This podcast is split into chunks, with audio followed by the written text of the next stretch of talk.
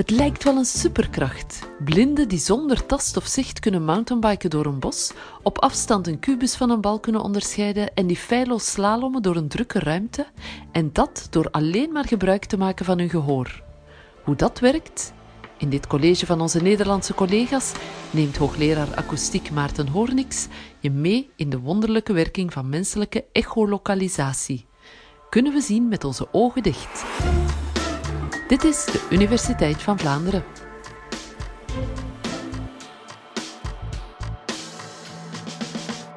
Als akoesticus kom ik geregeld op plekken waar bijzondere dingen gebeuren op het gebied van geluid. Zo was ik eerst bij een bijeenkomst waar een man van de ene hoek naar de andere hoek van de ruimte liep, slalomend tussen objecten en stilstaande mensen door. Daar was ik er eentje van. Dat is op zichzelf niet zo bijzonder, maar deze man was blind. Hij had geen blinde geleidehond met zich mee, geen blinde stok en hield zijn armen langs zijn lichaam. Nou, deze man heet Daniel Kish. Hij werd als kind blind en Daniel kan zonder zicht kan hij de omgeving om zich heen waarnemen. Hij kan het verschil tussen een kubus en een bal horen. Hij kan de grootte van een ruimte horen. Hij kan afstanden tot muren bepalen. Hij kan zelfs fietsen zonder ergens tegenaan te botsen. En alleen maar door te luisteren.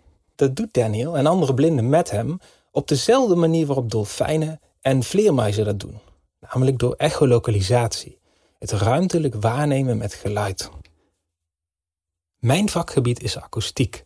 Dat is de wetenschap van het geluid. En dat fascineert mij enorm.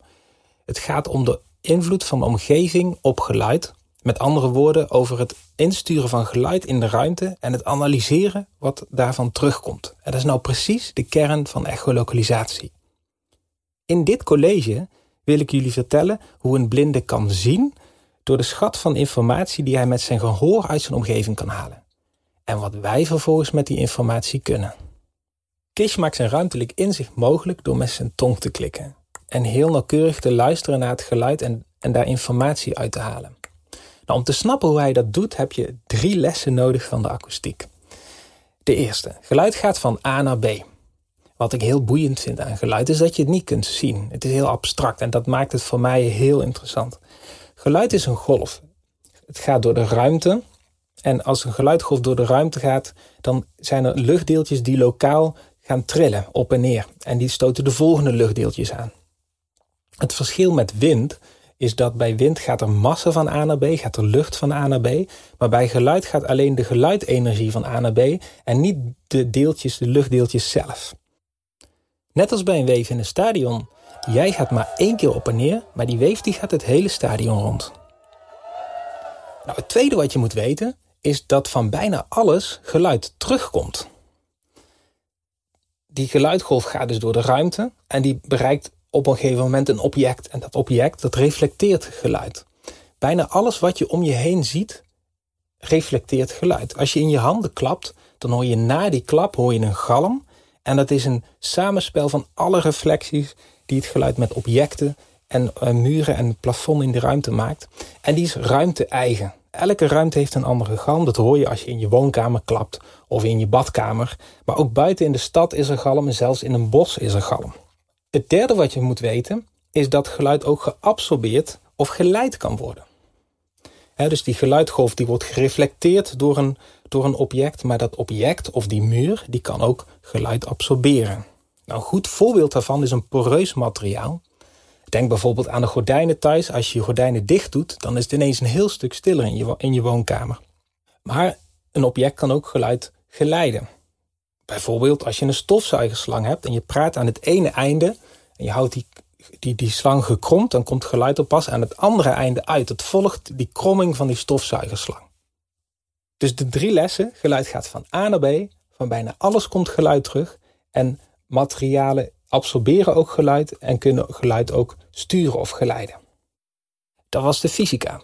Als dat geluid ons oor bereikt, dan geeft ons oor signalen door naar de hersenen en de hersenen geven ons informatie. Zo zit er veel meer informatie in geluid waar je niet van bewust bent. Nou, ik heb een spelletje. Ik heb een trompetist naar drie ruimtes gestuurd. Een collegezaal, een concertzaal en een sporthal. En dan is aan jou de vraag of je kan bepalen welk geluid bij welke ruimte hoort. Hier komen ze.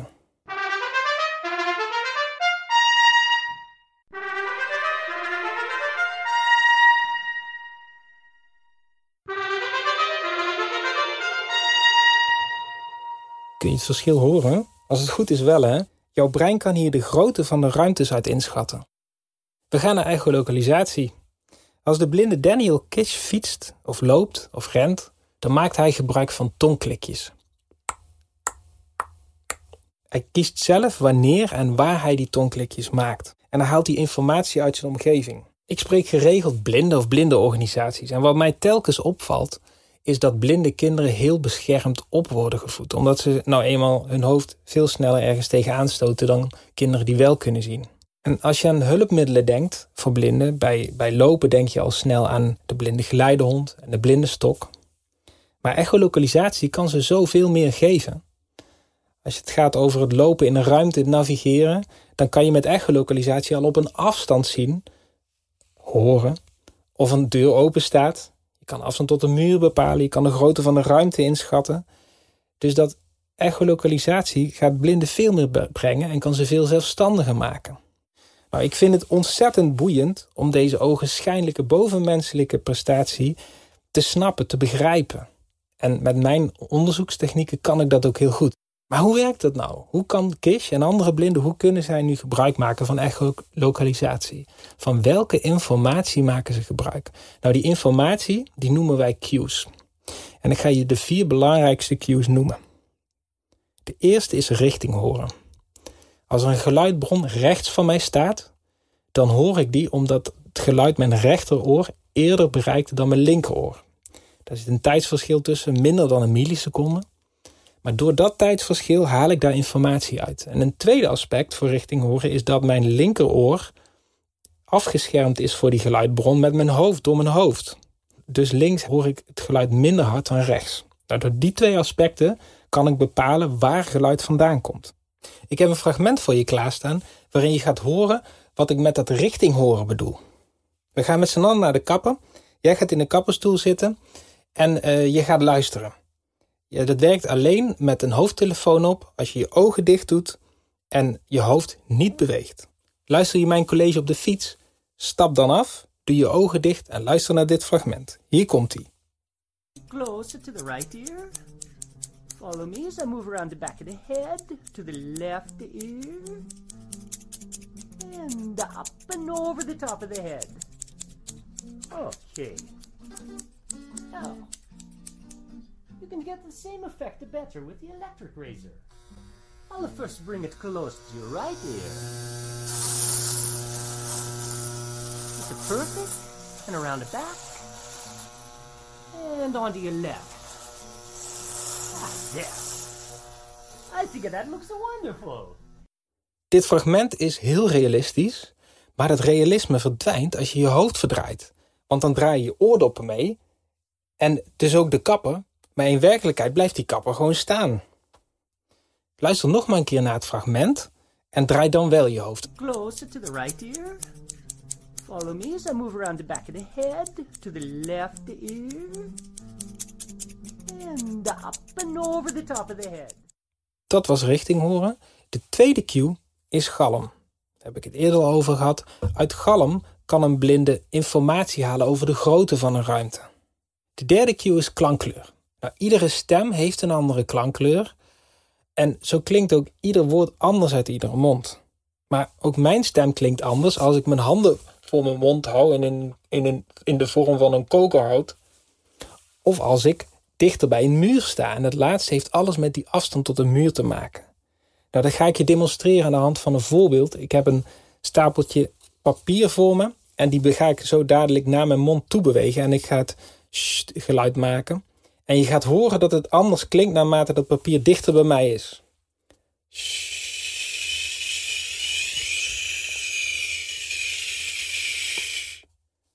Nou, kon je dat verschil goed horen? Uit deze informatie kan je halen wat de afstand van jou is ten opzichte van een object of van een muur. De vierde cue is de vertraging van het geluid. Als het onweert, dan hoor je het geluid veel later dan je de bliksem ziet, maar jij kan inschatten hoe ver dat is, want drie seconden is ongeveer een kilometer. En een blinde maakt er ook gebruik van. Als die op een plein staat en in zijn handen klapt, dan kan hij horen of een gebouw op 50 of op 100 meter afstand van hem staat, omdat het geluid dan later terugkomt. Nou, het supergetrainde brein van Daniel Kish kan dit op milliseconden. Die kan bepalen of een muur op 5 meter afstand staat. Dus richting horen, galm, klankkleur en de vertraging van geluid zijn de informatiebronnen waarmee je kan echolokaliseren. Maar nu komt het. Als een blinde gebruik maakt van echolokalisatie, dan luistert hij naar het geluid, maar zijn informatie wordt verwerkt op de visuele cortex. Het is toch bijzonder? Dus de bedrading van het ene zintuig neemt hij van het andere over. Wetenschappers kunnen dat zien met behulp van MRI-scans. Als een blinde bezig is met echolokalisatie, dan ligt de visuele cortex op. Blinden kunnen dus inderdaad zien. Maar wat hebben we daar nou eigenlijk aan, aan deze informatie? Nou, dat werkt als volgt. Als we weten welke informatie blinden uit het geluid halen om hun omgeving waar te nemen, kunnen wij dat nabootsen. Met het doel om blinden zelfstandiger te maken. Nou, niet alle blinden worden zo zelfstandig als Daniel Kish of gaan echolokalisatie zo goed leren als Daniel Kish. Maar als een blinde voor de eerste keer ergens komt, moet hij iemand meenemen. Die kan niet alleen zomaar ergens een ruimte instappen. Nou, wat ik heel graag wil, is dat er een database is van ruimtes waar een blinde naar kan luisteren. En zo kan hij bijvoorbeeld in een vertrekhal van Schiphol eh, virtueel staan en naar die ruimte luisteren. Hè. Dus hij heeft een headset op met een head tracker en kan in die ruimte van A naar B lopen en met behulp van geluiden en de cues die ik net heb genoemd, het richting horen, de galm, de klankkleur, kan hij informatie uit die ruimte halen om zo al die ruimte te verkennen. Nou, je kan het vergelijken met een instructiefilmpje die wij als ziende mensen zien om een ruimte te verkennen als we er nog niet geweest zijn. En als je dan in die ruimte werkelijk komt, dan herken je niet meteen alles van wat je op het filmpje hebt gezien, maar je herkent nog wel van, oh ja, en hier moest ik naar links. Nou, dit nabootsen in virtual reality, daar zijn we in Eindhoven heel goed in. Daar zijn we eigenlijk heel uniek in. Nou, het tweede aspect van wat we met virtual reality kunnen, is dat we het blinden kunnen aanbieden als training tool. Nou, een blinde kan zo in virtual reality zelf tongklikjes maken en horen hoe die ruimte virtueel dat geluid teruggeeft in real time. Wij kunnen die ruimte dan heel makkelijk aanpassen, andere materialen geven, een andere plattegrond uh, van maken. Dat werkt heel goed als trainingstool, omdat blinden dan heel snel achter elkaar verschillende ruimtes en verschillende materialen kunnen horen. Je hebt het eigenlijk net zelf gehoord met die trompetdeuntjes. Als je, als je die verschillende keren achter elkaar hoort in verschillende ruimtes, dan hoor je de verschillen heel goed. We kunnen dit realistisch geluid nabootsen, maar dat is wel lastig. En dat komt omdat in het geluid heel veel detail zit. En als we dat allemaal willen nabootsen, dan kunnen we geen realistische en real-time virtual reality aanbieden. Nou, een voorbeeld hiervan is het detailniveau van wat we nabootsen. Um, die bureaulamp op je bureau, dat, die is heel klein, die reflecteert ook geluid, maar dat horen we eigenlijk niet. Dus als we de ruimte nabootsen, dan hoeven we dat detail niet mee te nemen. Nou, het detailniveau wat we gaan simuleren, gaan nabootsen, dat is een onderzoek wat bij ons lopend is. En dat gaat ons helpen om tot een snellere virtual reality te komen. Een ander voorbeeld is dat van die kapperstoel waarin je net zat. Toen je met je hoofd draaide, was het realisme weg, hè? Maar realisme moet er natuurlijk wel zijn in ons realistisch VR. Dat betekent dat voor elke hoofdverdraaiing dat wij een nieuwe set signalen voor je klaar moeten hebben staan. Maar hoeveel zijn er dat dan? Want je kan je hoofd natuurlijk in alle hoeken draaien. Nou, dat is een andere onderzoeksvraag die we beantwoorden.